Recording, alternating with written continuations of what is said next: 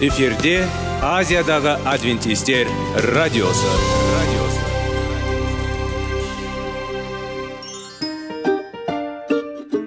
сәлем достар. Денсаулық өмір бұлағы және біздің бірінші байлығымыз демекші денсаулық сағаты рубрикасына қош келдіңіздер. Біздің рубрикада біз әртүрлі факторларменен мәліметтерменен кеңестерменен бөлісіп шын жүректен сіздердің дендеріңіз сау болғанын қалаймыз. Сол үшін біздің рубрикаға қош келдіңіздер. Дайындалып тұрыңыздар. Өйткені келесі минуттарда қызықты фактілерге ие боласыздар. Енді достар ең бірінші байлығымызды қолымызға алып алға кеттік.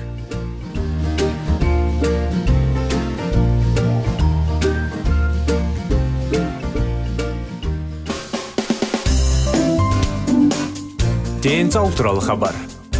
Денсаулықтың ашылуы.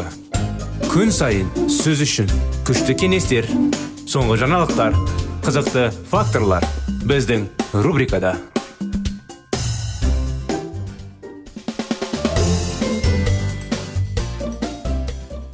Денсаулық сағат бағдарламасы. Қытай зерттеулері тақырыптары. Сіздермен бірге қош келдіңіздер біздің бағдарламамызға құрметті достар құрметті тыңдаушыларымыз. Тақырыбымызды ары қарай жалғастыра кетеміз. 1970 жылы оның екі қызметкері жалпы алғанда ақауыздың жетіспеушілігі дамушы елдерге ең маңызды сапалы қуат жетіспеушілігі болып табылады. Бұл елдегі халықтың үлкен массасы негізінен өсімдік тектес өнімдерімен қоректенеді. Олардың құрамында ақауыз жетіспейді. Бұл денсаулықтың нашарлығына және жан басына шыққандағы еңбек өнімдерлігінің төмендегіне әкеледі. Фао ның өте ықпалдығы қызметкері. Жануарлар ақауызының аздағына және азық түліктің алуын түрлігіне байланысты деп қосты дамушы елдерде. Ақауыздың сапасы қанағаттандырылықсыз. Ол жануарлардың тамағын тұтыну мен жыл сайынғы табыс деңгейі арасындағы өте тығыз байланыс туралы хабарлады. Сүрту әлемдегі өсіп келе жатқан ақауыз жетіспеушілігін азайту үшін жануарлар ақауыздың өндісі мен тұтынылауы аттыраудың артырудың сенімді жақтаушысы болды. Ол сеніммен бірге ғылым мен технологияның барлық ресурстарын ақауызға бай жаңа тағам жасау үшін немесе ресурстардан көп пайда алу үшін жұмылдыру керек деп санайды және адамзатты тамақтандыру. Мэриленд университетінің және ақш сауда департаментінің брюс стиллингс тағы 1973 жылы. Жануарлардың тамағын көп тұтынуға негізделген диетаның бір жақтаушысы жануардың диетасына ақауызды қосудың қажеті жоқ болса да. Диетадағы жануарлар ақауызының мөлшері пройс деп мойындайды жаяу жүру әдетте. Ақауыз тұрғысының тамақтанудың жалпы сапасының көрсеткіші болып саналды. Ол жануарлардың тамағын жеткілікті мөлшерде беру әдетте әлемде ақауызмен тамақтанудың тамаша тәсілі болып саналады деп мәлімдейді. Әрине ақауызбен қамтамасыз ету үшінші әлем елдерінде тамақтануды жақсартудың маңызды тәсілі болуы мүмкін. Әсіресе егер барлық калория болса халық өсімдік тағамдарының бір түріне алады. Бірақ бұл жалғыз әдіс емес. Және біз көріп отырғанымыздай ұзақ уақыт бойы денсаулықты сақтау үшін ең тиімді емес. Балаларды қалай тамақтандыру керек? Сол кездегі көңіл күй осындай болды. Мен олардың қалыптасуына басқалармен тең дәрежеде қатыстым. 1965 жылы мен вирджиния политехникалық институтында және мемлекеттік университетте қызмет ету үшін массачусетс технологиялық институтының шықтым. Сол кезде осы институтта биохимия және тамақтану кафедрасын басқарған профессор чарли энджел тамақтанбайтын балаларды тамақтандырудың халықаралық бағдарламасын жасауға қызығушылық танытты. Ол филиппинде аналарға дұрыс бала төмі бойынша өзін өзі оқыту жобасын бастағысы келді. Жоба осылай аталды. Өйткені ол тамақтанбаған балалардың аналарына сабақ беру керек еді. Оқыту нәтижесінде дұрыс жергілікті өнімдермен тамақтану олардың балаларының денсаулығын жақсартады және медицина мен дәрігерлердің төмен деңгейіне көтерілудің қажеті жоқ деп болжайды. Ангел бағдарламаны 1967 жылы бітіріп мені филиппиндегі кампуста үйлестіруші болуға шақырды. Ал ол өзі үнемі манилада болды. Ақауыздың дұрыс тамақтанбауы мәселесін шешу ойының ұстана отырып біз бұл қоректік затты аналарға үйрету жобамыздың негізін қаладық. Осылайша балалардың ақауызды тұтынуын арттырдық. Балықтың ақауыз көзі ретінде болуы негізінен жағалаудағы аймақтармен шектелді. Біз жер жаңғақ ақауыз көзі ретінде өзімізді таңдадық. Өйткені бұл мәдениетті барлық жерде өсіруге болады. Жер жаңғақ жонышқа соя беде бұршақ бұршақ және тағы басқа сияқты бұршақ дақылдарына жатады. Алайда бұл дәмді тағаммен бір тіркендіргіш мәселе болды. Алдымен англиядан кейінірек массачусетс технологиялық институтынан. Сол зертханадан мен жұмыс істедім. Жер жаңғақ көбінесе афлатоксин деп аталған санаурғылақтан шыққан ұлы затпен жұқтырылғандағы туралы нақты дәлелдер алынды. Бұл алаңдатырылған белгіге айналды. Өйткені афлатоксин үйге құйрықтардан бауыр қатерлі ісігін тудыратының белгілі болды. Бұл зат белгілі химиялық канцерогендердің ең күштісі болып саналды. Нәтижесінде біз тығыз байланысты екі жобаны әзірлеуге тура келді. Балалар арасындағы дұрыс тамақтанбау жағдайын жақсарту және афлатоксинді жұқтыру мәселесін шешу. Филиппинге сапар шегер алдында мен гитиге барып вирджиния технологиялық институтының әріптестері профессор кен кинг және рейланд Уэб ұйымдастырған бірнеше аналарды оқыту орталықтарымен жеке танысу үшін бардым. Бұл менің дамыған елге алғашқы сапарым болды. Және гайти бұл анықтамаға сәйкес келді. Кайти президенті папа док дували сәнді өмір салтын жүргізу үшін қазірдің өзінде тапшы ресурстарды елден шығарды. Ол кезде гаитиде балалардың 54 пайызы 5 жасқа толғанға дейін. Негізінен дұрыс тамақтанбау салдарының қайтыс болды. Кейін мен филиппинге бардым. Онда мен дәл осындай жағдайларға тап болдым. Осындай анықтама қытай зерттеулерінде құрметті достар бағдарламамыз аяғына келіп жетті. Жалғасын әрине сіздерге келесі жолы жалғастырамыз. Келесі бағдарламаға дейін сау сәлемет болыңыздар.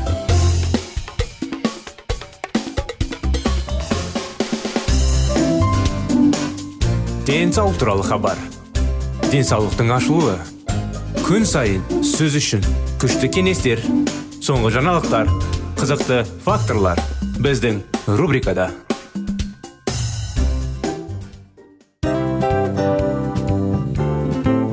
Әуелі байлық денсаулық екінші байлық он саулық үшінші байлық ақ жаулық ал енді осындай радио парақшадан кейін не дейміз? Барлықтарыңызға денсаулықтарыңыз зор болсын деп тілейміз. Денсаулықтың өзгеруі кішкентай нәрселерден басталады. Осымен біз берген кеңестер мен мәліметтер шын жүректен сіздер үшін қандай да бір болсын жәрдем берді деп үміттенеміз. Тыңдаушыларымызбен келесі радио парақшасына дейін қоштассамыз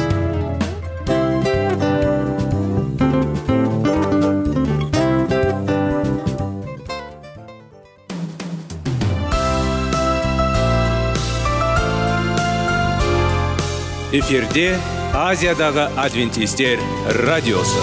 Радиосы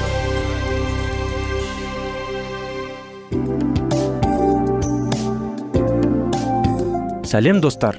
Барлықтарыңызға шын жүректен сөйлесейік рубрикасына қош келдіңіздер деп айтпақшымыз. Шын жүректен сөйлесейік бағдарламасы әртүрлі қызықты тақырыптарға арналған. Шындығында шын жүректен сөйлесейік деген сөздің мағынасы екі достың екі адамның ортасындағы шын жүрекпен сөйлесуі бір біріне сенуі ашықтық пен шындықты білдіреді. Сол үшін біздің бағдарламалар әртүрлі қызықты тақырыптарға арналған.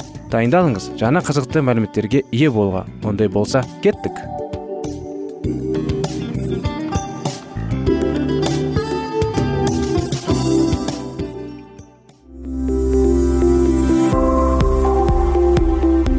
Алтын сөздер.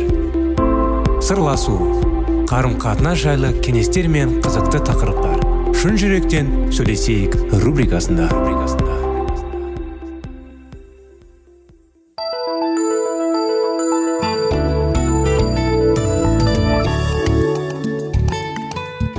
Сәлеметсіздер ме достар. Армысыздар құрметті радио тыңдаушыларымыз сізбен бірге шын жүректен сөйлесейік. Бағдарламасы.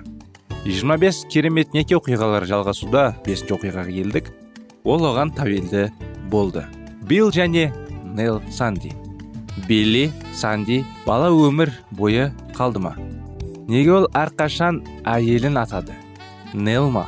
Оның істерін басқаратын нел оның өмірін қандай дәрежеде бақылайды? Билли салқын ковбой түрлері ұнаған. Өйткені бұл тедди рузвельт дәуірі болды. Бірақ ол нел қатан басшылығын қажет етті. Ол бір күні менің әйелім сұлулық байқауында бірінші жүлде ала алмас еді. Бірақ ол кез келген басқа әйелге қарағанда әлде қайта мықты мағынасы бар деді. Ал жалғыз неге билли қатысты құрметпен ақыл оймен қарады? Билли барлық уақытта есте қалды. Ал нел қардан кейін қалды. Олар бір команда болды. Бір қарағанда билли санди керемет танымал уағыздаушы өте сенімді адам болды. Бірақ бұл тәуелсіз сыртқы көріністе ұялшақ пен белгісіздік жасырылды. Билли өте тірі және жылжымалы болды. Нел практикалық және тұрақты болды. Олармен жұмыс істегендердің барлығы биллны жиі енгізгеніне қарамастан жақсы көрді. Бірақ нел сөйлесе бастағанда ол сөзсіз бағынады. Билли сэнди стиліндегі евангелизация билли директорлары кеңесінің басқаратын және нел атқарушы органды басқаратын бизнес ретінде қарастырылды. Бірақ неке бизнеске қарағанда көп нәрсе. Уағызшы болған бейсболист билли сандиге немқұрайлы болу мүмкін емес еді. Кейбіреулер оны апостол паул кезінен бастап ден ұлы уағыздаушы деп атады. Кейбіреулер оны шарлатан деп атады. Кейбіреулер оны қайта өрлеу дәруінің реформаторы. Салыстырғанда басқалары егер ол шулы алкогольге қарсы науқанға емес душты құтқаруға жаңағыдай рухани жанды құтқару үшін күш жұмсаса оның қызметі әлде қайта тиімді болар еді. Кейбіреулер оны тиімділген бойынша жиналыстары елеуші уақыттан бері орын алған барлық нәрседен асып түсті. Басқалары оның мансабы мен барлық қаржылық шығындарын жабылуына ұмтылысы мәсіхтің ісін беделін түсіретіне айтты. Мен бұл адамдардың құдайға бет бұруына көмектесетініне сенімдімін деді. Егер ол шынымен жасаған болса онда ол аудиторияны жинап жақын болар еді олар алғаш рет кездескен кезде билли әдіскер болды. Ол басылық дәстүр бойынша тіпті сенімге емес нел шотланд пресвитериан шіркеуінің жаңағы сенімді мүшесі болды. Билли ешқашан нақты әкесі болмады. Әкесі нел чикаго балмұздақ өндірушісі. Қазына өте қамқорлық жасады. 1862 жылы уильям эшли санди дүниеге келген кезде оның әкесі құрама штаттардың армиясына қатардағы болып жазылды. Ол да қайта оралды. Оның жесірі үш баласымен қалды. Оның біреуі де бес жасқа толмаған. Ол қайдадан тұрмысқа шығып тағы екі баласы дүниеге келді. Бірақ келесі он жылда қайғы бір біріне төгілді. Билли алты жасқа толған кезде ол анасының үйіне бірнеше жаңағыдай шақырымға атасына өмір сүруге кетіп қалды. Себебі өгей әкесімен бірге келмеді. Оның ағаларының бірі ақылсыз болды. Оны тұяқты ат ұрды. Ал бас жарақатты өте ауыр болды. Сондықтан оны үйден шығаруды тоқтатты. Оның әкесі жанып қайтыс болды. Ол қаланы сыртына ол жағып тұрған кезде көйлекті өртеп жіберді. Ақыр сонда депрессияның ең қызған кезінде 1874 жылдың екінші күйеуі мисси санди оны тастап кетті. Ол жаңағындай нервтермен айқын тапсырды. Билли 12 жасқа келгенде оны үлкен ағасымен бірге екі жыл өткізген солдат жетім үйіне берді. Ол пантде кейбір білім алып математикада күшті емес екенін анықтады. Бірақ жақсы төбелесіп жүгіре алды. 14 жасында ол тағы да атасына қоныстанды. Бірақ билли және оның атасының өте қиын сипаты болды. Сондықтан олар жоғарылы дәрежеде жарылыс қауіпті топсасы болды. Билли көп замай қашып кетті. Невада мен айовада ол үш мамандық алды. Жылқы шабандоз және аула сыпырушы. Жалақы оқуақы төлеу үшін жеткілікті болды. 1883 жылы ол 20 жаста болған кезде машлатундағы айова жерлеу бюросында жұмыс істеді және жергілікті бейсбол командасы үшін өнер көрсетті. Олар штаттың чемпионатының жеңіп алған кезде беллеби тиесілі ақ шұлықтар командасының менеджері энсонның поп назарын аударды. Билли маршаллтауның бірден жоғары лигаға түсті. Кішкентай қаланың жастарының 13 голды қатарынан жеңе алды. Уақыт өте келе ол тамаша даланың ойыншы болды. Оның спорттық мансабында оның орташа жеке себебі 259 дол. Бұл сәл бір маусымда 359 доп соқты. Бірақ оның жылдамдығы бейсбол аңызында айналды. Ол барлық базаларды 14 секундта қашуға қабілетті болды. Бірінші маусымда ол 90 базаны ала алды. Бұл рекордты 1968 жылға дейін тек бір ойыншы тай коп және алды. Спорттың комментатор былай деп жазды. Сэнди ойынның тарихында ең үлкен соққылар жасады және ол найзағай жылдамдығымен бірінші базаға қол жеткізе алды. Мамандар жиі ойын мәнерін сынға алды. Бірақ манкүйерлер оны жақсы көреді. Күн сайын бейсбол алынады. Ақ шұлықтар қонақ үйіне қайтып билли пресвитерландық шіркеуден өтті. Бұл шіркеуге оның жолдастарының бірі келді. Ол билли құдайға құлшылық ету кезінде пайда болса оның әпкесімен тыныстыруға таныстыруға уәде берді. Мәселен жексенбі күні билли санди джефферсон піркіндегі паркіндегі пресвитериандық шіркеуге жастар қызметіне барды. Осымен бағдарлама аяғына келіп жетті. Келесі жолға сау болыңыздар.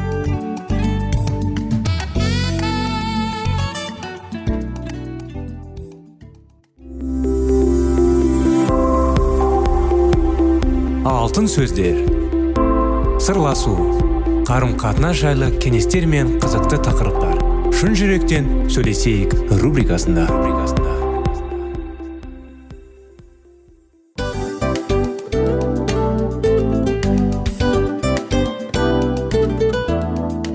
Құрметті достар барлық ең соңғы кеңестер аяқталған соң біздің программамыз соңына келіп қалды. Осы біздің мәліметтер осы рубрикада айтылған әрбір сөздер сіздерге өзінің қандай да бір пайдасын алып келді деп шын жүректен сенеміз. Және бұдан да көптеген рубрикаларымыз бар. Басқа рубрикаларымызда біздің зерттеулерімізде сіздер үшін тағы да қызықты мәліметтер дайын. Біздің шын жүректен сөйлесейік парақшамызда көптеген әдістер ең соңғы кеңестер адамның нравственность жақтан моральдық жақтан тазалап байыта тұрған соңғы кеңестердің барлығын жанарады. сондықтан алдыңғы күндерде бізбен бірге болыңыздар. Өйткені барлық қызықтар алдыда. Бізбенен бірге болғандарыңызға үлкен рахмет. Келесі кездескенімізше сау сәлемет болыңыздар.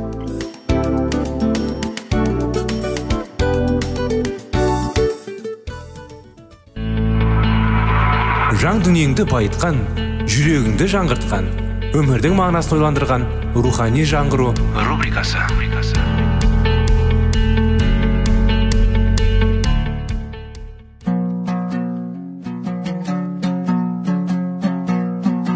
Ассалаумағалейкум біздің тыңдаушыларымыз. Келі кітаптың шындығын ашып берген қысқа бағдарламасына қош келдіңіздер. Барлығынан жоғары жаратушы біздің қарыңғылықта жалғыз қалдырып қойған емес. Өйткені ол келешекте не болу керек екенін киелі кітаптың парақтарында ашып береді. Немесе келіңіздер бізге қосылыңыздар. Жаратушы бізге нен ашып бергенін зерттейміз. Испания және африка жағалауларында су тасқын көптеген аймақтарды шайып әкетіп қаңғыратып бос қалдырды. Испания мен португалияда жер сілкінісі өте қатты болды. Айту бойынша қадиске биіктігі 18 метр толқын келді. Португалиядағы ең биік таулар түп орнымен қозғалды. Олардың жоғарғы жақтары ашылып неше түрлі халыққа қалыпқа түсті. Жақын жерлердегі ауылдарға таулар құлап олар бұзылып қалды. Таулардың жарылған жерлеріне лаулап от шығып жатты. Лиссабонде әуелі жер астынан күннің күркірегендей қатты гүл естіліп онан соң жер сілкінісі қаланың басын көпшілік бөлігін қиратты. Аялдылардан алты минуттың ішінде алпыс мың адам өтті. Теңіз әуелі жалаңаштанып шегініп барып қайтып келіп 15 метрге көтерілді. Лиссабонда болған басқа да оқиғалардың ішінде мынаны айтпай кетуге болмайды. Орасан зор ақша бөлініп таза мәрмердан жасалған жағалаудың быт шықты. Құтқарылып қаламыз ба? деген ниетпен сол арқаға жиналған халық тұңғиықтың түбіне түсіп жоқ болды. Себебі жағалау кенеттен теңізге айналған болатын. Сілкіністің салдарының барлық шіркеулер мен монастырлар қирады. Үлкен ғимараттардың күл талқыны шықты. Тұрғын үйлердің төрттен бір бөлігі сынды. Кей жерлерде өрт шығып тез өршіп бүкіл қаланы жоқ қылды. Бұл сілкініс мейрам күні барлық шіркеулер мен монастырлар адамдарға толған күні басталды. Аздаған адамдар ғана құтқарылып қала алды. Жұрт қатты үйреленді ешкімнің жылуға шамасы келген жоқ. Өйткені олар естері шығып не істеп не қоятындарын да білген жоқ. Кеуделерін соққылап ақыр заман деген осы деп айғайлай берді. Аналары балалары ұмытып қолдарына ұстаған бұттарымен ерсілі қарсылы сабылдады. Сорына қарай көптеген адамдар шіркеулерге кіріп бұттарға табынды. Бірақ бұттардың бұларға ешқандай себебі тиген жоқ. Сол арадағы жандар да діндарлар да олардың құрып қойған пұттары да тып типыл құрыды. Кейін сол күні 90 мың адамның қаза болғаны белгілі болды. Сол оқиғадан 25 жыл өткен соң айталған аянның жалғасы орындалды. Күн мен айдың тұтылуы. Айтылған уақытында орындалған бұл аян көпшілікті қайран қалдырды. Оқушылармен зәйтүн тауының үстінде әңгімелесіп отырғанда иса оларға ғибадатхананың басына түсетін қайғы кезеңін суреттеп айтқан болатын.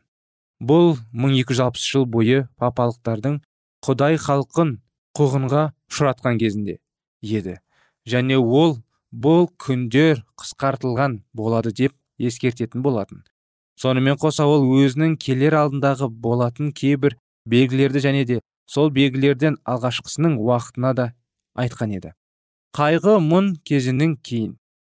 Күн сөніп ай жарығын бермей қояды. 1260 күн немесе жыл периоды 1798 жылы аяқталды. Айтулы мезгілге ғасырдың төрттен бір бөлігіндей. Уақыт қалғанда қуғын сүргін түгел дерлік тоқтатады. Исаның сөзі бойынша қуғын сүргіннен кейін күн тұтылуға тиісті болды. 1780 жылы 19 мамыр күні бұл аян орындалды. Осы күні жаңа англияда күн тұтылып атаулы жер қара түнекке орындады бұл өзінше түсініксіз құпия феномен болды. Массачусетс штатындағы куәгерлердің бірі болған оқиғаның былай деп сипаттайды. Таңертең әдеттегідей күн шықты. Бірақ біраздан соң бұлттар қоюланып күн ұясына отыра бастады. Арасындай найзағай жарқылдап аздап жаңбыр жауды. Таңертеңгі тоғыздың кезінде бұлттар селіңкілеп қола сары немесе мыс тәрізді түске айналды. Жер ағаштар таулар сулар тіпті адамдардың түстері. Түстері де бір түрлі өзгеріп кетті.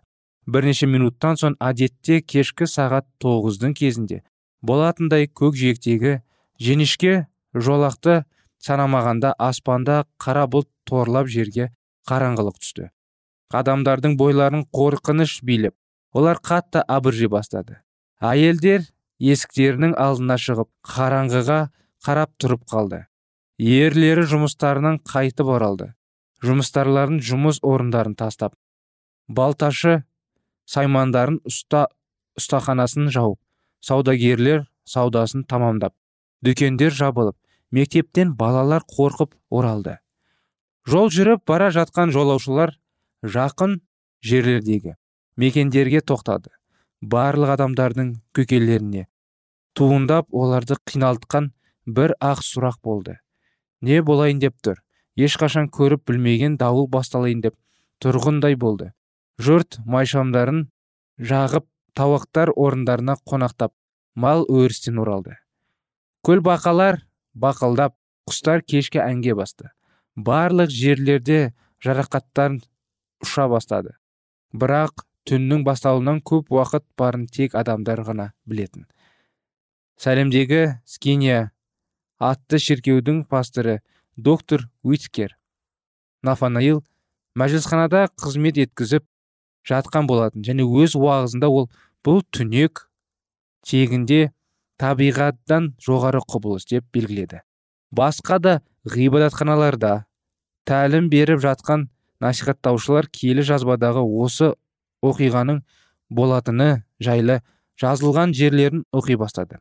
Сағат 11-ден кейін тіпті қараңғы болып кетті. Жұрт сағаттың тілін майшамсыз көре алмайды. Бұл түнек шығыстағы фалмутидан бастап коннектикуға және албанияның батыс шекараларына дейін жетті. Оңтүстік теңіз жағалаулары түп түгел және солтүстік америкалық қоныстарды ала барлық жерлер қарағандыға шомылды. Күн батуға екі сағат шамасына уақыт қалғанда ғана түнек сейілі бастады. Бірақ қою қара тұман әлі де болса кете қоймады. Күн отырысымен аспанды қара бұлт тұмшалап қайтадан қараңғылық түсті. Бұл қараңғылық та күндізгідей өте қорқынышты болды. Тауып тұрған толық айға қарамастан барлық жер мысырдың қараңғы түнегіне орынғандай болды. Майшамсыз ешкім аяқ баса алмай қалды.